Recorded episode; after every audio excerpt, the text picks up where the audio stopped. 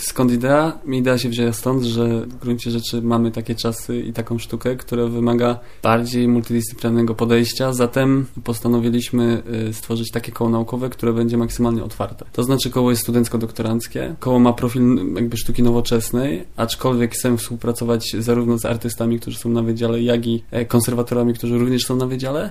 No i chcemy podejmować e, problemy, zagadnienia sztuki najnowszej. E, Bo nowa sztuka to jest pojęcie tak szerokie Tak, e, i prawda. bardzo często też może niezrozumiane. U nas na stronie pojawia się również informacja o takim dziale sztuki, który w tej chwili się formuje. On się nazywa Art and Science.